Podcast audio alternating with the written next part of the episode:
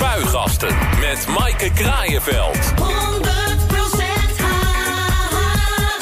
Goedemorgen, welkom bij Spuigasten, het politieke programma van Den Haag FM.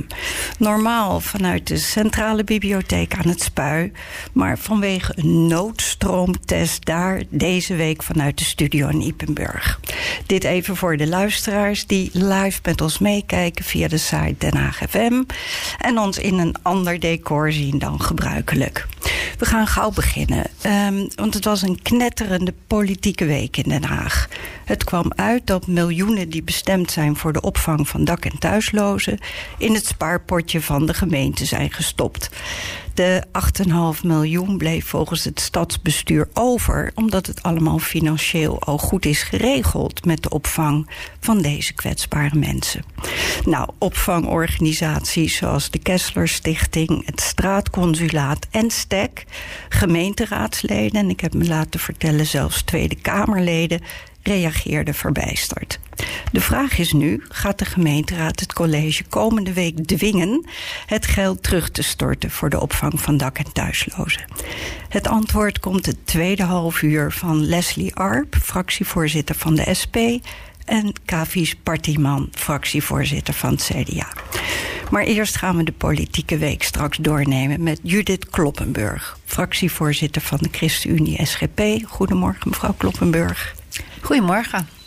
Uw minister Carola Schouten van Armoedebeleid is een van de architecten van een andere opmerkelijke ontwikkeling in de zorg voor daklozen. Het kabinet presenteerde deze week het actieplan Geen daklozen meer in 2030. En de kern van het plan is dat gemeenten daklozen als eerste een huis moeten geven. Om uh, uh, te voorkomen dat ze door langdurige opvang in uh, opvanglocaties steeds verder wegzakken in de problemen. Nou, dat de effectiviteit daarvan is uh, bewezen in Finland. Nou is Finland het dunst bevolkte uh, land van Europa. Dus je vraagt je af hoe moet dat uh, in een stad waar al hele lange wachtlijsten zijn. En ook een schrijnend tekort aan huizen. Hoe ver zijn we van het moment, mevrouw Kloppenburg, dat Hagenaars wordt opgeroepen hun huis te gaan delen met mensen in woningnood? Nou, allereerst, het is niet alleen Carola Schouten van de ChristenUnie die het plan heeft geschreven, maar ook Maarten van Ooyen, staatssecretaris op VWS. En uh, die heeft dakloosheid in zijn portefeuille. Dus ik ben heel blij dat het plan ook veel breder is. Dat het niet alleen maar dakloosheid is, maar ook armoedebestrijding. En ook Hugo de Jonge was betrokken van woningbouw. En het is heel belangrijk dat we uh, woningen gaan bouwen voor deze doelgroep. We zijn ook blij dus dat de kostendelersnorm, dat is een hele ingewikkelde term, voor jongeren in ieder geval wordt afgeschaft. Dus dat betekent dat mensen met een bijstandsuitkering gewoon bij elkaar in huis mogen wonen zonder dat hun uh, uh, uitkering gekort wordt.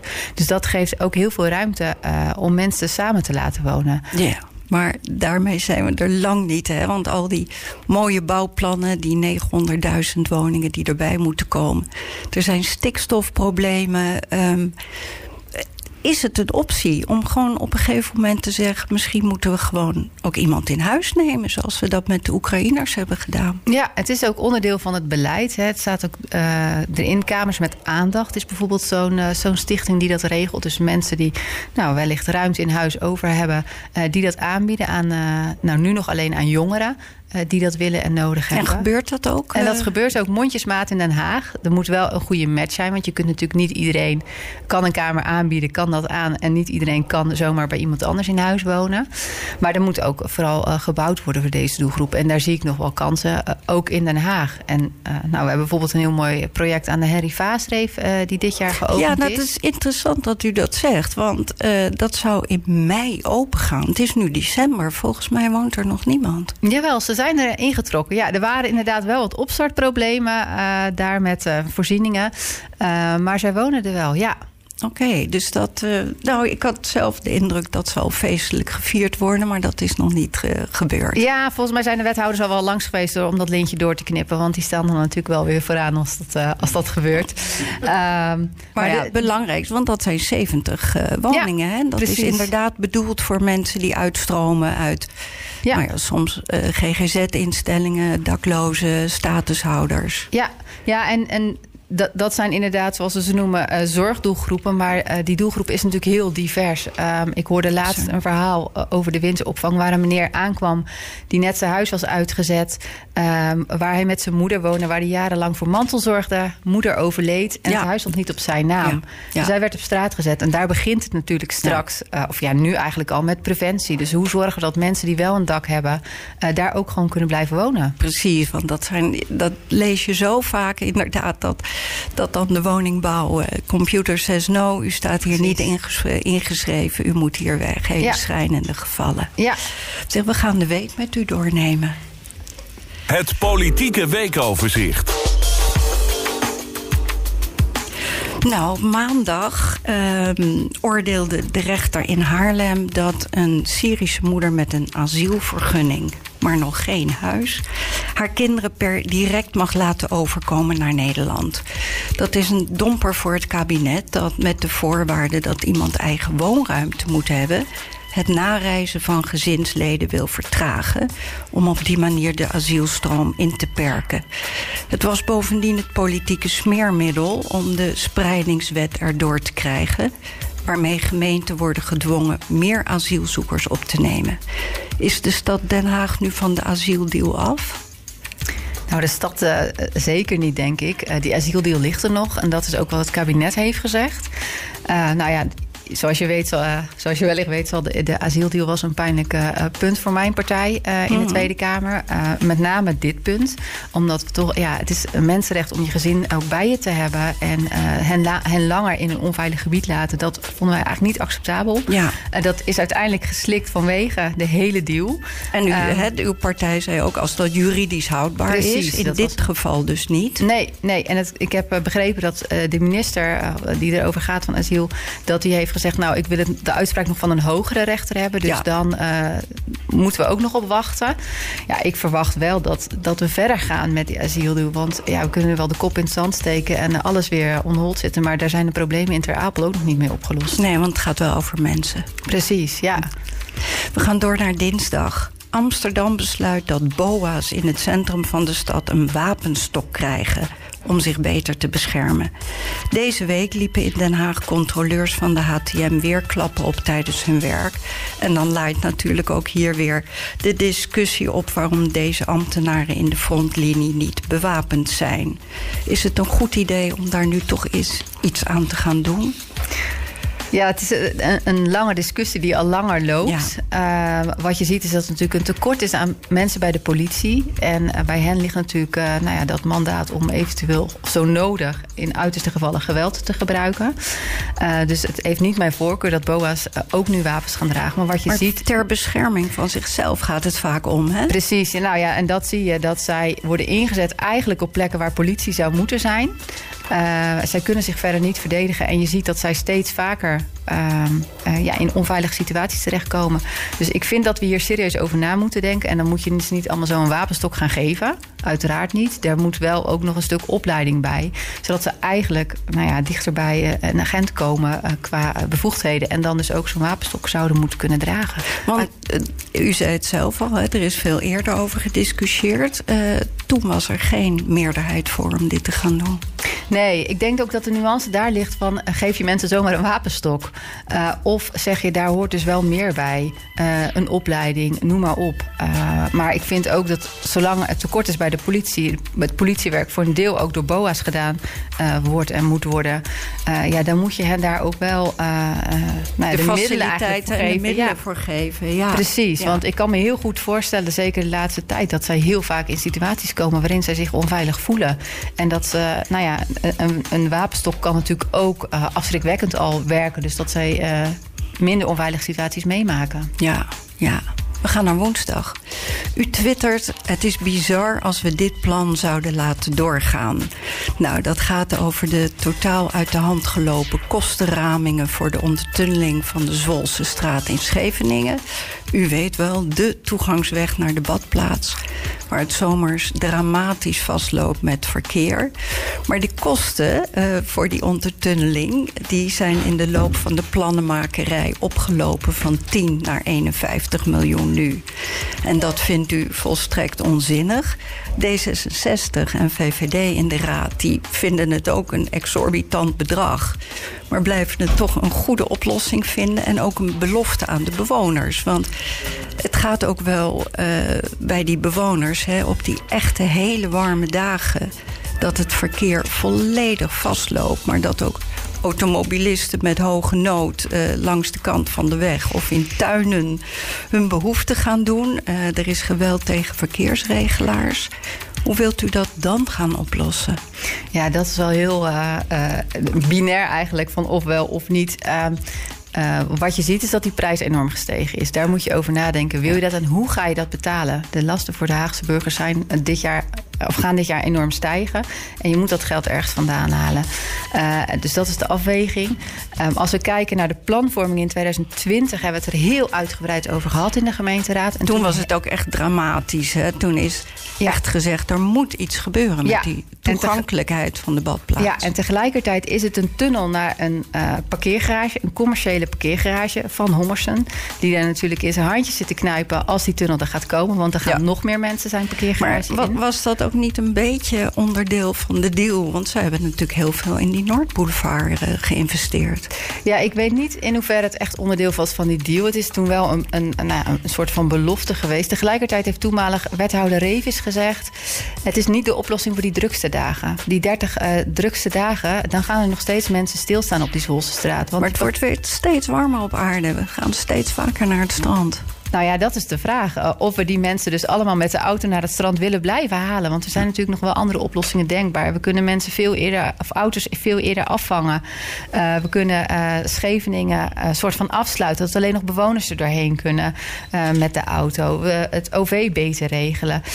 Pendelbusjes. Precies. Er zijn echt wel andere oplossingen. Um, en ik denk, ja, ik denk dat het dat geld niet waard is. Het is 51 miljoen prijsspel 2021. Ja. Dus de inflatie nog niet meegerekend, nee, noem maar de op. stikstof. En we zijn nog niet begonnen ja. met bouwen, dus die ja. prijs gaat veel hoger worden. Ja, en dat vind ik uh, eigenlijk niet te verkopen in deze tijd dat iedereen het heel lastig heeft financieel. Dat we de uh, lasten voor de burgers gaan, gaan verhogen. voor de taken die we als gemeente hebben, de basistaken. die moeten we goed uitvoeren. Maar dit soort, ja, ik zou bijna willen zeggen, hobbyprojectjes van voormalig wethouder Revis. Oep, ja, het is ook al de Revis-tunnel genoemd. Ja, toch? en terecht. Ja, ja. Dus, Revis heeft aardig wat achtergelaten als het gaat om, om projecten dat, waar we dat veel doet een beetje pijn deze zaterdagochtend, mevrouw Kloppenburg. denk ik, nu ergens in de Ja, ergens wel. Maar als hij eerlijk naar zichzelf zou kijken... dan uh, hebben we toch echt wel een heel aantal projecten. Uh, nou ja, de, de, de, de bus... Uh, halte, of de bushalte, busplatform achter het station. Mm -hmm. de overkluizing van de Utrechtse baan. Uh, het KJ-plein waar nog niks uh, gebouwd wordt. de, de, de toren bij allemaal Amare. de schuld die nog niet, van uh, Boudewijn Revers? wel allemaal onder zijn bewind fout gegaan. Okay, maar met ook een gemeenteraad, toch? Controlerend op de achtergrond, Zeker, maar op de voorgrond. Ja, maar er loopt ook nog een, een raadsenquête om te kijken of we daar wel voldoende ook geïnformeerd zijn. Dus ja, we, we, zijn erbij. Maar ja, een wethouder heeft natuurlijk ook voor het grootste deel zijn coalitie achter zich staan. En dan kun je als oppositieraadslid heel veel inbrengen, maar gaat het toch door die plan, plannenmakerij. Frustrerend? Af en toe wel, ja, zeker. Want je kunt heel veel uh, argumenten op tafel leggen waarom iets misschien niet goed is. Maar dan uh, is het soms toch wel eens bij coalitieraadsleden dat ze zeggen: ja, ja, misschien heb je wel gelijk, maar. Uh, coalitiediscipline. Dus dan moeten ze toch voor een bepaald plan stemmen of tegen een bepaalde motie. En dat is af en toe heel frustrerend. Ja, ja. moeilijk, politiek. Ja. We gaan naar donderdag. De politie trekt aan de bel dat door de massale inzet na de overwinningen van het Marokkaanse voetbalelftal op het WK ander politiewerk blijft liggen en vaak weken vertraging oploopt. Collega-raadsleden van u van Hart voor Den Haag en VVD roepen sowieso al op tot veel harder straffen en gebiedsverboden, omdat de feesten op straat, nou ja, toch wel eigenlijk steeds uitlopen op rellen of in elk geval tot het gooien van levensgevaarlijk vuurwerk naar politie en andere hulpverleners. Vanmiddag om uh, vier uur speelt het Marokkaanse elftal tegen Portugal. Hoe zou u uh, vanavond de situatie in de Schilderswijk aanpakken? Dat is een hele ingewikkelde vraag. Een hele ingewikkelde situatie ook. Nou, wat ik in ieder geval heb gezien en wat ik heel goed vind... is dat de wijk voor een deel wordt afgesloten. Dus dan kun je ook al hè, mensen die dan met een bivakmuts de wijk nog in willen... die kun je gewoon Die ruilschoppers van buiten. Precies, want uh, het is logisch dat mensen een feestje willen vieren. Um, ja, het zijn, voetbalfeestjes zijn over het algemeen niet mijn feestjes... maar ik kan me erbij voorstellen dat je dan de straat op wil... en dat samen wil vieren. Um, maar die ruilschoppers, ja, er zijn er al een heel aantal opgepakt. Ik zou zeggen, laat in ieder geval zich uh, vanavond melden op het politiebureau. Zodat zij in ieder geval niet de wijk. Uh, Vrijwillig bedoelt u? Want daar is geen. He, dat is niet afgesproken. Nee, dat is niet ja. afgesproken. Maar als ik het voor het zeggen zou mogen hebben, dan zou ik willen dat die mensen in ieder geval uh, zich ergens ja. melden. ja, en dus proberen om die mensen die de wijk in willen, echt goed buiten de wijk te houden. Dat echt alleen de feestvierende mensen daar mogen zijn. Want is dat wel uw indruk dat het juist eigenlijk van buiten die wijk dan verteerd wordt? Nou ja, ik heb in ieder geval op de beelden mensen gezien met een bivakmuts. Uh, ja, als je dat in je eigen wijk maar... in je eigen wijk wil kapotmaken. Uh, ja, het zou kunnen. Hè? Ik ben dan, misschien ben ik een beetje naïef. Ja. Uh, maar ik, nou ja, ik, ik hoor de verhalen ook dat ze van buiten komen. Maar ja, als dat van binnenuit is, ja, ook oppakken uiteraard. En zeker als ze met vuurwerk, uh, levensbedreigsvuurwerk... Ja. naar politiemensen gaan ja. gooien of andere... Ja, want dat is echt onvoorstelbaar. Hè? Er wordt dan wel zo, ja, weet je, vuurwerk, maar ik bedoel nee. gehoorschade. Het is echt heel traumatisch als zoiets je overkomt. Ja, ja. En je daarom, staat er ook alleen maar om... Uh, daarom zou er ook best een vuurwerkverbod mogen, kunnen, uh, mogen komen. Dan kunnen we daar ook wat harder op handhaven. Nou, daar komen we graag een andere keer nog even bij u op terug, want we gaan naar vrijdag. AD Haagse Courant zet de wachtlijsten op een rijtje voor zwemles. Honderden kinderen in Den Haag staan op wachtlijsten. En commerciële zwemscholen die leggen eigenlijk de vinger op de zere plek. Die zeggen in de gemeentelijke zwembaden zwemmen anderen dan kinderen op uren waarop kinderen prima les zouden kunnen krijgen. En ook gaan zwembaden vaak in de vakanties dicht, want dan is er groot onderhoud nodig. Is dit iets om uh, ook aan te pakken? Zeker. We hebben uh, nou, aan het einde van de coronacrisis, als daar al een einde aan is gekomen, ook de aandacht voor gevraagd. Omdat de wachtlijsten enorm waren op, opgelopen, omdat die zwembaden ja. dicht waren geweest. Er is toen ook een actieplan gekomen en uh, de wachtlijsten zijn bijvoorbeeld opgeschoond. Kinderen zijn sneller doorgegaan, uh, noem maar op. Er is meer gezwommen in meivakantie bijvoorbeeld. Dat is toen inderdaad wel. Ja. opgepakt. Ja. ja. en je ziet dat het nu weer wat, wat stagneert.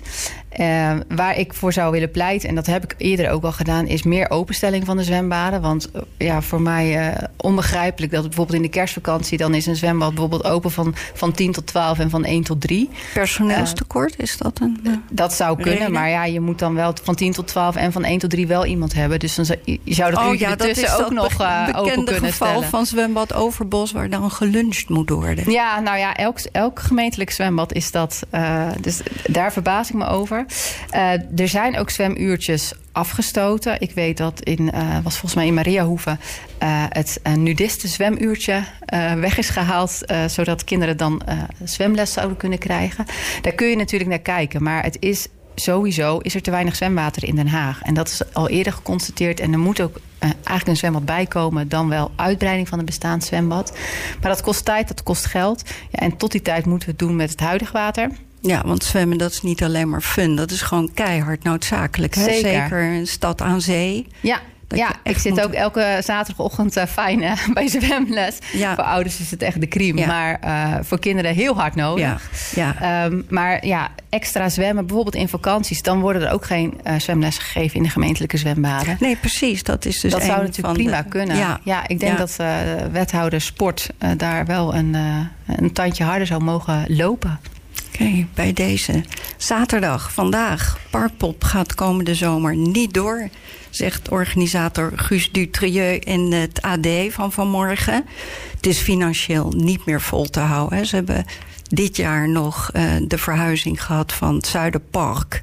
Waar natuurlijk uh, met, ook met het Parkpop uh, geschiedenis is geschreven, 40 jaar lang.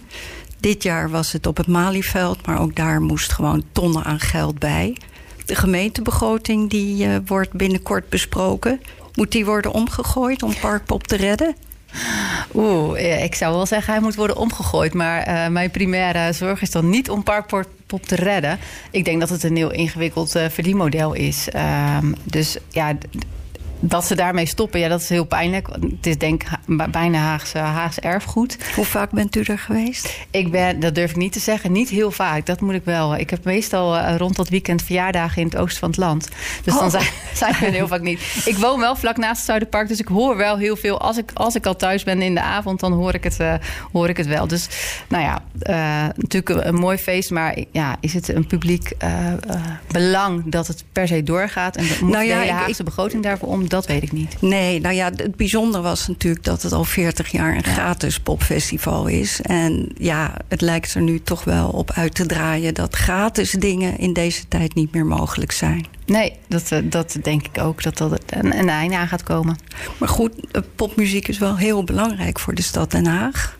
Ja, ja, nou ja die, zal, die zal dan toch keuzes ondernemers maken. Ja, keuzes maken, maar ook kijken... is er een andere manier om het wel rendabel te krijgen? Uh, of nou ja, niet rendabel natuurlijk, maar wel dat het uit kan. Met bijvoorbeeld Haagse ondernemers. Uh, kijken wat zij eraan zouden kunnen bijdragen. Om, oh, die dragen al zoveel bij. Die hoor ze al roepen. Die hebben al zoveel schade geleden in de coronatijd. Ja, ja, maar iedereen denk ik. Dus dan is de vraag, wie zou het moeten gaan betalen? Ja. is dat de burger in het algemeen? Of moeten dan, uh, nou ja, moet de organisatie dan op zoek naar andere geldschieters? Of gewoon toch een kaartje kopen? Dat ja, zou ook nog dat zou natuurlijk prima kunnen. Ja, ik denk dat de charme er dan wel een beetje van afgaat van het, uh, het gratis festival. Maar tuurlijk is dat een, een optie die voor ligt, lijkt me. Dank u wel. Graag gedaan. Dit was het uh, weekoverzicht. Meer nieuws vindt u op de website denhaagfm.nl.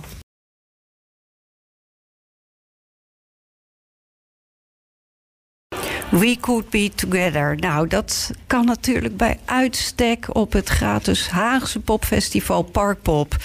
Mevrouw Leslie Arp, fractievoorzitter van de SP. Goedemorgen. En Kavies Partiman, fractievoorzitter van het CDA. Ook goedemorgen. Goedemorgen. Hoe reageert u op dit toch wel grote nieuws dat Parkpop dit jaar niet doorgaat? Ja, ik vind het uiterst zuur. Ik uh, ben ook benieuwd of het echt de kous definitief af is. Dat het echt, uh, ik, moet daar nog eventjes de komende tijd mee in gaan verdiepen. Maar het was natuurlijk al zuur dat het überhaupt uh, niet meer in het Zuiderpark was. En dat was natuurlijk al omdat er zoveel geld bij moest. En men dacht, als het nou op het Malieveld is, dan komen er meer mensen op af. Dat gaat meer geld genereren. Maar wat we begrijpen van de organisatie is dat er nog steeds tonnen bij moesten.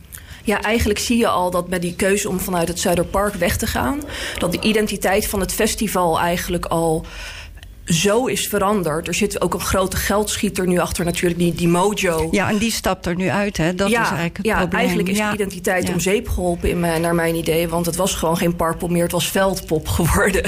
dus dit is gewoon de, tweede domper. En uh, heel pijnlijk voor de stad. Ja, meneer Partiman, kwam u daar graag? Ja, ik, ik, ik kan me er eigenlijk alleen maar bij aansluiten. Hè. Parkpop is een stukje Haagse cultuur. Het, het, hoort een het hoort echt bij de stad, maar het hoorde ook echt bij het Zuiderpark. Uh, als CDA hebben we ons ook gewoon constant voor ingezet om te kijken hoe we, uh, hoe we het in het Zuiderpark zouden kunnen behouden.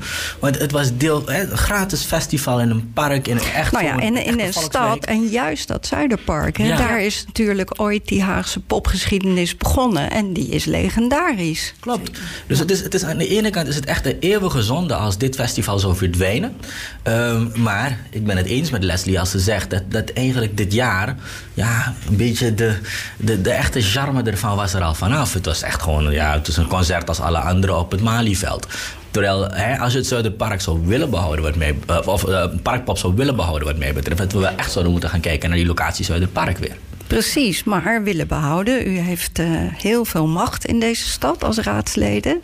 Is het, uh, is het iets om echt nog aan te kaarten, ook bij het college, of een potje voor te vinden? Ik denk ook dat je moet kijken of je het festival op een andere manier zou kunnen organiseren. Uh, ik heb natuurlijk geen inzicht in de begroting van dat hele festival. Dat is toch een aangelegenheid van de organisatie. Maar ik zou hopen dat je het kan behouden. En meer terug naar het oorspronkelijke gedachte van een gratis festival. Waar je met je familie heen kan. Uh, dat je samen van popmuziek kan genieten. Nou ja, misschien dat je toch zou moeten kijken naar de programmering of dat soort zaken. Maar daar moeten we het komende tijd denk ik over hebben als raad. Want iedereen gaat dit ja, enorm aan het hart. Als je van Den Haag houdt, dan hou je ook van Parkpop. Ja, misschien een beetje terug naar die basis. En we gaan kijken naar die Haagse pop zien. En als, als we dan een, een gratis festival neerzetten in het Zuiderpark. Ja, het is natuurlijk heel mooi om een grote headliner uit Amerika te hebben. Maar het is wel ons dingetje. Dus laten we gaan kijken hoe het een Nou, beetje misschien, kan. een festival Ja. met allemaal Haagse, Haagse bands en beginnende bands. Zeg, we gaan terug naar een ander potje. Want eh, er, daarvoor bent u hier ook om over te praten. Er was ophef deze week over 8,5 miljoen die beschikbaar is voor de opvang van dak- en thuislozen. Maar die terecht is gekomen in het spaarpotje van de gemeente. Het college vindt dat eh, de financiële stromen eh, al goed zijn en dat het ook goed is geregeld voor de opvang van die mensen. Ehm, nou ja, de hamvraag is natuurlijk: gaat de gemeenteraad het stadsbestuur volgende week dwingen dat geld terug te storten? Mevrouw Arp, gaat dat gebeuren? Ja, wat mij betreft eh, geven we dat geld inderdaad uit aan de aanpak van dakloosheid. Dat mooie doel, hè, wat ook vanuit eh, de regering is geformuleerd: geen dakloosheid meer in 2030. En ik denk dat het probleem is, eh, als je kijkt naar de reactie van nou ja, het college op waarom dat geld op de plank is blijven liggen, is dat men dakloosheid nu toch te veel nog ziet als een opvangprobleem. Ze zeggen eigenlijk van nou, de opvang, daar hadden we dat geld blijkbaar niet voor nodig. Maar de verandering in het denken over dakloosheid is nu juist dat het een woonprobleem is. Dus ik denk dat we dat geld goed kunnen inzetten voor juist eh, permanente sociale huurwoningen waar mensen die nu in de opvang zitten kunnen uitstromen. Want Dus die zitten overvol de opvang. Wat, wat dat betreft eh, spreekt u dat, dat nieuwe actieplan van het kabinet spreekt u ook wel aan? Ja, want het, het lijkt zo gratuit om te zeggen geen dakloosheid meer in 2030, terwijl we weten dat er een woningcrisis is. Ja, en dat is natuurlijk, eh, nou, de ambitie is heel mooi, maar nu is de vraag van ja, niet alleen maar woorden, maar daden, maar hoe gaan we het doen? Daar maak ik me nog wel heel veel zorgen over, maar ik denk dat een goed element uit het plan wel is dat er echt gekeken wordt van, eh, nou ja, dakloosheid is voornamelijk een woonprobleem. en Hmm, Want hebben zo komen, worden nu ook, meneer. Ja. er komen hier nu ook mensen zeg maar, op de dakloze markt, om het zo oneerbiedig te zeggen, die gewoon werken, de nieuwe werkende armen. Nee, dat is, het, het is een groot probleem om, om, om eventjes terug te gaan op, eh, op wat Leslie zei. Hè? Die, die 8,5 miljoen, het is volgens mij een misvatting dat dat geld niet wordt inge- ingezet, gaat of kan worden voor eh, de aanpak van de dakloosheidsproblematiek. hè. Het is gewoon een, het is een, een, een systeem dat we hebben binnen het financiële van de gemeente Den Haag. Als er geld, wordt, eh, als er geld beschikbaar wordt gesteld voor een bepaald programma en het wordt niet ingezet, dan valt die vrij in de algemene Nou ja, maar het zijn toch niet de eerste, de beste organisatie, Kessler Stichting STEC, die eigenlijk die aan de bel trekken en een brandbrief hebben geschreven van hé, hey, we lopen daarmee toch geld mis. Nou, en ik denk dat het ook wel belangrijk is dat het stadsbestuur in deze en het college in deze dan een duidelijke uitleg gaat geven over hoe, dat, hoe dat systeem nou in elkaar zit. Want zoals ik het heb begrepen, ehm, is die 8,5 miljoen nog wel degelijk beschikbaar. Ook voor de aanpak van deze problematiek. En als dat niet Precies, het het geval is zou zijn, ook hebben ze wel echt een probleem in die coalitie. Want ook mijn partij vindt het heel belangrijk dat die 8,5 miljoen echt ingezet wordt om deze groep mensen die echt acute hulp nodig hebben, om die te helpen. Ehm, en, en ik kan me niet voorstellen dat er iemand is in onze coalitie of in het college die daar anders over denkt. Oké, dus we mogen er eigenlijk van uitgaan dat het geld wat gelabeld is voor dak- en eh, thuislozen, dat dat niet aan andere dingen, bijvoorbeeld Parkpop, wordt uitgegeven. Ik denk dat we er niet zomaar van uit kunnen gaan. Ik denk dat wij als gemeenteraadsleden nu ook echt eh, ja, de regie moeten pakken en moeten zeggen eh, van ja, dat geld gaat terug naar de algemene middelen. Eh, dat, dat, dat legt Cavish uit, inderdaad. Maar dan moeten we ook de garantie hebben dat dat inderdaad niet naar allerlei prestigeprojecten aan de kust gaat. nou ja, de Middenboulevard of dat soort dingen. Dat Zwolse ondertunnel. ja, naar allerlei tekorten in infrastructurele projecten gaat bijvoorbeeld. Het moet echt naar de mensen gaan waar het voor bedoeld is. En dan moeten wij dan maar als raad zeggen, denk ik. En volgens mij is eh, collega Klokkenburg, die net vertrokken is... was ook van plan om zoiets te doen. Dan moeten wij zeggen, dan gaan we dit reserveren... voor de groep waar het voor bedoeld is. En ik denk dat wij nu als gemeenteraad aan zet zijn... om dat signaal af te geven aan het college. Bijvoorbeeld met een amendement eh, nou ja, op de begroting. U zegt bijvoorbeeld, kunnen we daarop rekenen volgende Ja, week? ik, denk, ik weet dat wel zeker. Het is alleen even de vraag wie dat doet. Maar ik denk dat vanuit de oppositie heel veel mensen dat van plan zijn eh, de komende tijd. Want, want heeft eigenlijk de gemeenteraad in zo'n geval, hè, zoals nu eh, naar buiten komt, heeft u dan eigenlijk zitten slapen? Nou, ik denk dat we wel wakker zijn geschud door de, uh, de organisaties uh, ja, die u net aanhaalde. Inderdaad, Kessler Stichting, Straatconsulaat. Uh, die zeiden van, nou, dit, dit kan toch niet waar zijn in een tijd dat zoveel mensen op straat slapen. Als je langs de koekkamp loopt, ja, je ziet de problemen gewoon letterlijk op straat.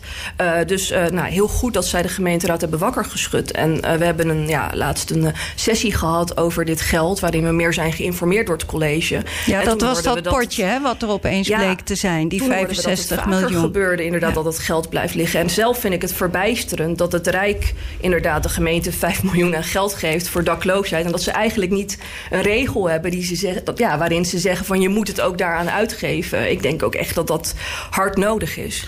Meneer Parteman. Nou ja, volgens mij moet je wel ook gewoon goede plannen gaan maken om dat geld op een degelijke manier uit te geven, zodat het ook effect heeft om het probleem dat je hebt op te lossen. Dit maar ja, ik, ik denk dat die organisaties daar toch juist de deskundigheid Als we me even laten uitbreiden, want dit geld dit kwam eigenlijk vrij in de mei-circulaire.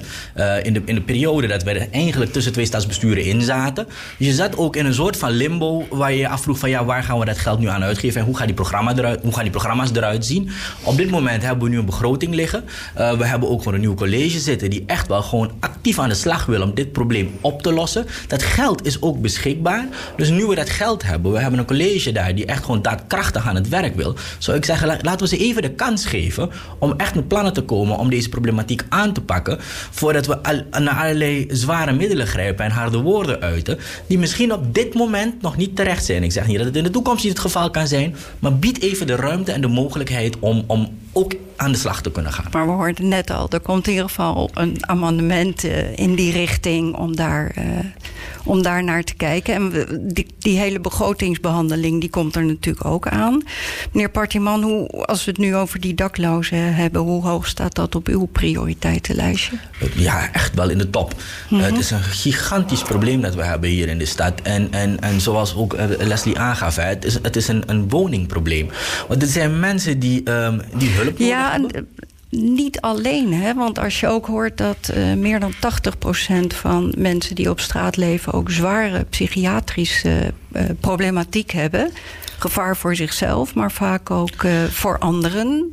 denk even aan drie jaar geleden, toen ook op Black Friday. Mm -hmm iemand met uh, ernstige uh, psychiatrische problemen, daklozen, daar drie tieners neerstak. Ik bedoel, we hebben daar natuurlijk ook gewoon dagelijks op straat uh, mee ja, te dus maken. Daar, dus daar ben ik het met u eens. Hè. Het is een combinatie van zorg die nodig is voor deze doelgroep. Hè, want mensen worden niet zomaar dakloos. Het, zijn, het is om tal van redenen. Soms psychisch, anderen komen in de schulden terecht. Um, mensen die verslavingsproblematiek hebben, noem maar op. Daar moet er echt adequate hulp geboden worden om deze mensen te helpen. En op het moment dat ze geholpen zijn, dat ze weer uh, um, over genoeg uh, capaciteiten beschikken om weer terug te keren in die samenleving, moeten we ook de mogelijkheid bieden dat ze dat op een, op een, op een humane manier kunnen doen. En dat is door, door ze weer een goede woning aan, aan te bieden, zodat ze weer gewoon daar de stabiliteit kunnen creëren die ze nodig hebben. En van daaruit weer verder kunnen gaan, een baan kunnen krijgen, noem maar op terecht kunnen komen in die samenleving. Nou ja, daar zit je met een aantal dingen. Vanuit het maatschappelijk uh, middenveld wordt er enorm veel gedaan om deze mensen te helpen. Ik ben niet zo lang geleden nog bij het leger des Heils geweest. Nou ja, het is nu alweer een tijdje geleden, want dat is voor corona, want daarvoor kon je niet. Maar in die Wenkenbach-locatie toen. En, ik zag hoe daar echt mensen werden geholpen uh, om, om, een, om een vak te leren. Nou, om, dat is om interessant. te begeleiden. Interessant ja. dat u dat zegt, want mijn collega Janot van Beurden... die uh, naar aanleiding van uh, deze ophef had ook deze week een gesprek bij het Leger des Heils. En die zaten eigenlijk veel meer op de lijn van... nou ja, de financiën zijn ook door uh, wethouder Marielle Favier... eigenlijk al behoorlijk opgepakt. En... Nou, die hadden eigenlijk niet zo heel veel te klagen daarover. Nee, klopt. En dit soort organisaties, daar moet je constant mee in gesprek blijven. En als zij in problemen komen, moet je ook die problemen samen met elkaar gaan oplossen. Want dit zijn de organisaties die de mensen weer begeleiden om weer terug te keren in die maatschappij zoals wij het graag zouden zien.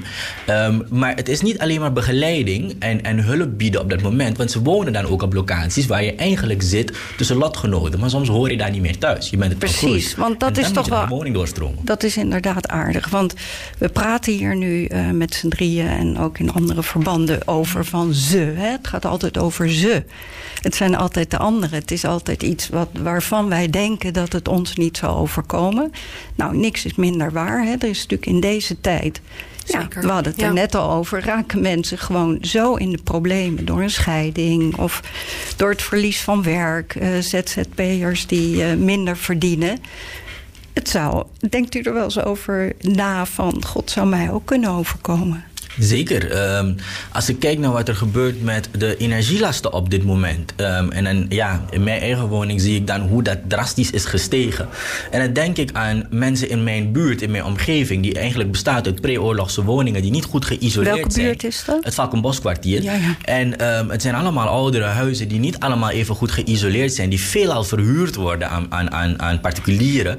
En ik denk, joh, het zal je maar overkomen dat, dat je opeens vier keer meer moet gaan betalen aan gas, terwijl je huur niet omlaag gaat. Nou, Eh, dat is nu toch, daar komt nu toch ook verandering in. Hè? Dat, eh, dat die huurverhoging eh, wordt aangepakt door. Nee, de huurverhoging wordt daar aangepakt, maar je zit op een gegeven moment wel al op een bepaalde huur. En je, je inkomen is berekend op de vaste lasten die je eigenlijk vorig jaar had. Want dat stijgt niet echt mee. En als je dan kijkt naar je inkomen, naar de huren die je betaalt en je, en je, je energienota, die echt gewoon drastisch gestegen is. En Want, misschien oh, zelfs.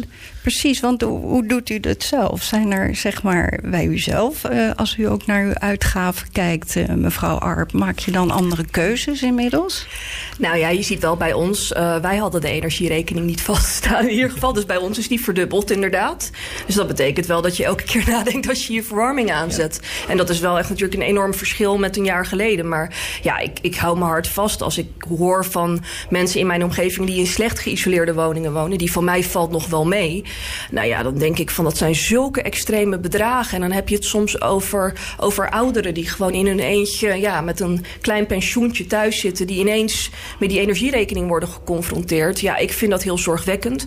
Maar ik maak me ook heel erg zorgen om bijvoorbeeld allerlei ja, kleine ondernemers. Die natuurlijk misschien nog net op hun tandvlees de coronacrisis hebben overleefd. En nu ook op omvallen staan. Ik vraag me bijvoorbeeld af hoeveel ZZP'ers mogelijk dakloos eh, zouden kunnen eh, raken. Ik maak me daar verschrikkelijk veel zorgen over. En eh, in dat licht vind ik het ook verbijsterend dat we dat geld, dat we nog geen concrete plannen hebben om dat geld te besteden. Die moeten er gewoon zo snel mogelijk komen. Ik vroeg het net ook, eh, meneer Partiman, aan mevrouw Kloppenburg. Komt er gewoon een tijd dat er inderdaad een beroep op ons wordt gedaan van ga je huis maar delen met iemand die geen dak heeft? Ja, het, het het zijn extreme middelen, maar ik, ja, je kan op dit moment niets uitsluiten. Nee, en nou ja, dwingen kan dat natuurlijk Nee, nooit. Dat is juridisch is niet. groot Maar in dit land. Ja, maar goed, je zou een beroep op eh, solidariteit kunnen doen. Nou ja, en dan heb je de Christendemocraten, die, eh, die staan altijd voor solidariteit. Ja, dus zo is dat de zee. En zeker in deze tijd, in december. Zeker. Ehm, ik wil nog heel even terug naar een ander onderwerp. En dat, eh, dat is het WK. En eh, overwinningen of verliezen en daarmee reacties op straat. Eh, over een paar uur eh, gaat het Marokkaanse team weer aantreden tegen Portugal om vier uur. Ehm, nou ja, we hebben tot nu toe gezien dat de feesten eh, uitlopen op rellen. In ieder geval, eh, we hadden het er net al over dat er toch met levensgevaarlijk vuurwerk wordt gegooid en andere ellende. Meneer Partiman, hoe, eh, hoe zou u dat eh, aanvliegen vanmiddag? Nou ja, het, het is een gecombineerde aanpak. Hè? Want enerzijds moet ik echt complimenten geven aan de Schilderswijk. En alle vrijwilligers die daar actief zijn eh, ehm, eh, in, in die wijk. Hè? De buurtvaders, de jongerenwerkers, noem maar op. Ja, want er wordt ontzettend veel wordt gedaan, hè? Ontzettend veel goed Ja. werk daar gedaan. Ja. En ik kan ook de frustratie van deze organisaties begrijpen... als ze elke keer weer negatief in het nieuws komen. En ik hoop ook van harte dat er vanavond niet op zo'n manier gefeest wordt. Want ik noem het geen feesten wat de vorige keren is gebeurd... maar dat er op die manier wordt omgegaan met die wijk. Ehm, tegelijkertijd is het dat er, op, dat er met zwaar vuurwerk wordt gegooid naar politiemensen. Dat er met auto's wordt ingereden op politieagenten. Dat er met bakstenen wordt gegooid. Een politieman of vrouw is ook gewoon een mens met een gezin thuis. Met, met, met kinderen en, en, en, en, en, en mensgeliefden om zich heen die op ze wachten om thuis te komen. Dit is niet de manier waar, waarop je met je medemens omgaat. En daar gaat het mij om. Dat moet niet kunnen. Daar moet ook gewoon hard tegen worden opgetreden. Ja, want eh, andere partijen, ik zei het net al, Hart voor Den Haag en VVD, die, nou, die tamboureren op Twitter van keihard aanpakken. Maar keihard aanpakken. Meer dan mensen arresteren kan je eigenlijk niet doen. Nou, maar ook gewoon een voorbeeld maken van de arrestaties. Als iemand wordt gepakt die uh, zwaar vuurwerp heeft vergooid, is dat wat mij betreft niet een klein vergrijp. Het is niet een klein vergrijp dat alleen maar een taakstrafje zou moeten krijgen. Die mensen zouden gewoon vervolgd moeten worden voor poging tot zware mishandeling. Want dat is het. Dat is het, ja. En, ja. en daar maak je een voorbeeld van. En het, het is geen excuus om te zeggen: ja, maar het zijn qua jongens sterke. Nee, dat doe je gewoon niet. En die mensen moeten echt hard aangepakt worden. En tegelijkertijd moet de Schilderswijk ook gewoon um, um, bekeken worden in een breder perspectief waar er heel veel goeds gebeurt. Mevrouw Ar, bent u het daarmee eens? Nee, ik denk zeker dat heel veel uh, mensen die in de haarvaten van die wijk zitten, de buurtvaders en zo, hun stinkende best doen. Maar je ziet ook uh, in feite dat uh, nou, de jeugd met sociale netwerken ook echt gericht op zoek gaat naar een aantal plekken waar ze inderdaad, nou ja, feesten wil ik het gewoon. Het, voor een heel groot deel is het feest en op een gegeven moment slaat het om. En je hebt gewoon groepen jongeren die inderdaad ook niet altijd uit de wijk zelf komen, die opgehitst ja. door die sociale netwerken. Want is het ook echt wel dat blijvende imago-probleem van de Schilderswijk? Ik denk niet dat het per se alleen met de Schilderswijk te maken heeft. Want ik kom zelf uit Laak. Nou, je hebt daar Jongbloedplein ja. gehad. Daar kwamen ook allemaal mensen van ja. buiten... die vroeger ooit een link hadden met de wijk uh, nou, naar die buurt. Ik heb zelfs op een gegeven moment, toen ik uit het raam keek... tijdens een EK een moeder met een kinderwagen... door de straat zien rennen met de ME erachteraan. Ja. Dus die, die dat is echt Haagse, hè? Dat zijn Haagse dingen... die helemaal niet alleen met de Schilderswijk te maken hebben. Het speelt ook in Duindorp bijvoorbeeld. Het is niet alleen Haags, hè? Dat gebeurt ook in Amsterdam, in Rotterdam, noem maar op. Het is eigenlijk een beetje inherent met, met die voetbalcultuur. Uh, uh, uh, Dank u wel voor dit, voor dit gesprek. Stadgenoten.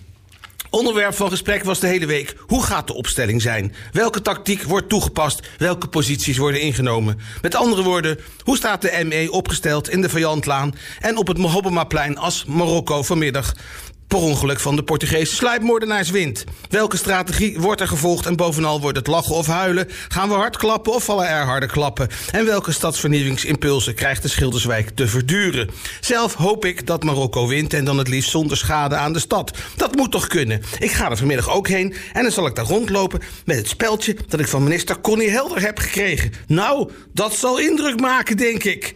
Misschien dat er ook wat agressievere reacties zijn, maar ik heb ook haar Nevermind sjaaltje geleend om dat dan eventjes overheen te doen.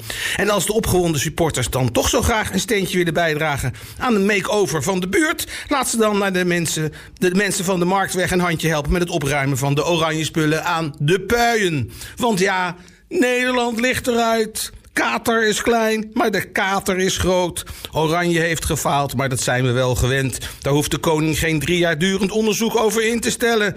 En als het kabinet op 19 december nog niet met excuses over de slavernij zal komen, laat het dan in ieder geval beginnen om te oefenen met excuses aanbieden voor het verlies van het Nederlands elftal. Want wij achten elkaar onszelf kansrijk. Hij was het hele jaar getraind op penalties. En zelfs de wetenschap was erbij betrokken. En tegenstander Argentinië bestond uh, goed beschouwd uit Messi en tien krukken. En ja, er was een geweldige comeback in de laatste minuten van de tweede helft. Van 0-2 naar 2-2. Even dachten we dat wij ook die onverwijderbare taaiheid van onze minister-president bezaten. Maar helaas, het lukte niet kan gebeuren. Vervolgens krijg je het lachwekkende nagebabbel... waarin de zogeheten analisten die stuk voor stuk veel ervaring hadden... met falen op een voetbalveld... de wedstrijd alsnog verbaal proberen te winnen. Er had natuurlijk anders gewisseld moeten worden. Maar vooral ook, we hebben on-Nederlands gespeeld. De Hollandse school. Dat betekent als een blinde aanvallen en uiteindelijk verliezen. Het is de echo van de smoes die Johan Cruijff in 1974... toen het roemruchte WK-elftal door zelfoverschatting en onderschatting van de Duitsers... het goud uit de handen liet vallen. Nederland was volgens JC de echte winnaar... want de hele wereld had van ons genoten... omdat wij mooi, nieuw, innovatief voetbal hadden gespeeld. En mij een jeugdtrauma bezorgd. En niet alleen mij, als ik zo om me heen kijk... In deze theorie gaat mooi voetbal natuurlijk dus bovenwinnen. Op zich een sympathiek en creatief standpunt. Dat wij in de maatschappij van nu eigenlijk helemaal kwijt zijn geraakt. De kunst, de visie, het spel, de diepere idee wordt steeds meer ondergeschikt gemaakt aan het korte termijn resultaat. En dat resultaat kan maar één gedaante hebben: winnen ten koste van alles. Dat vonden wij vroeger eigenlijk een beetje vies. Dat was zoals de Duitsers dat deden. Het liefst met een geniepig doelpuntje in de laatste minuut. Ja, in die tijd waren ze in Duitsland nog goed in het plegen van een koep.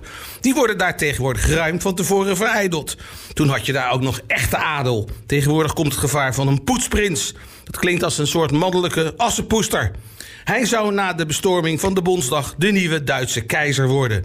Er zouden ook in ons land van dit soort rechtsradicalen zijn die het parlement willen kapen. Dwaallichten als Gideon van Meijeren hebben daar hun morsige licht al over laten schijnen. Dit forum in de Lorem-type weigert weliswaar elk lichamelijk onderzoek, zoals een alcoholtest, maar je kan niet al zijn uitspraken als dronken afdoen. Het is een fanatiek baasje, wat blijkt uit het principieel weigeren van die blaastest van die blaastest. Voor hem lijkt mij dat, behalve de schurft, toch een unieke kans op lichamelijk contact.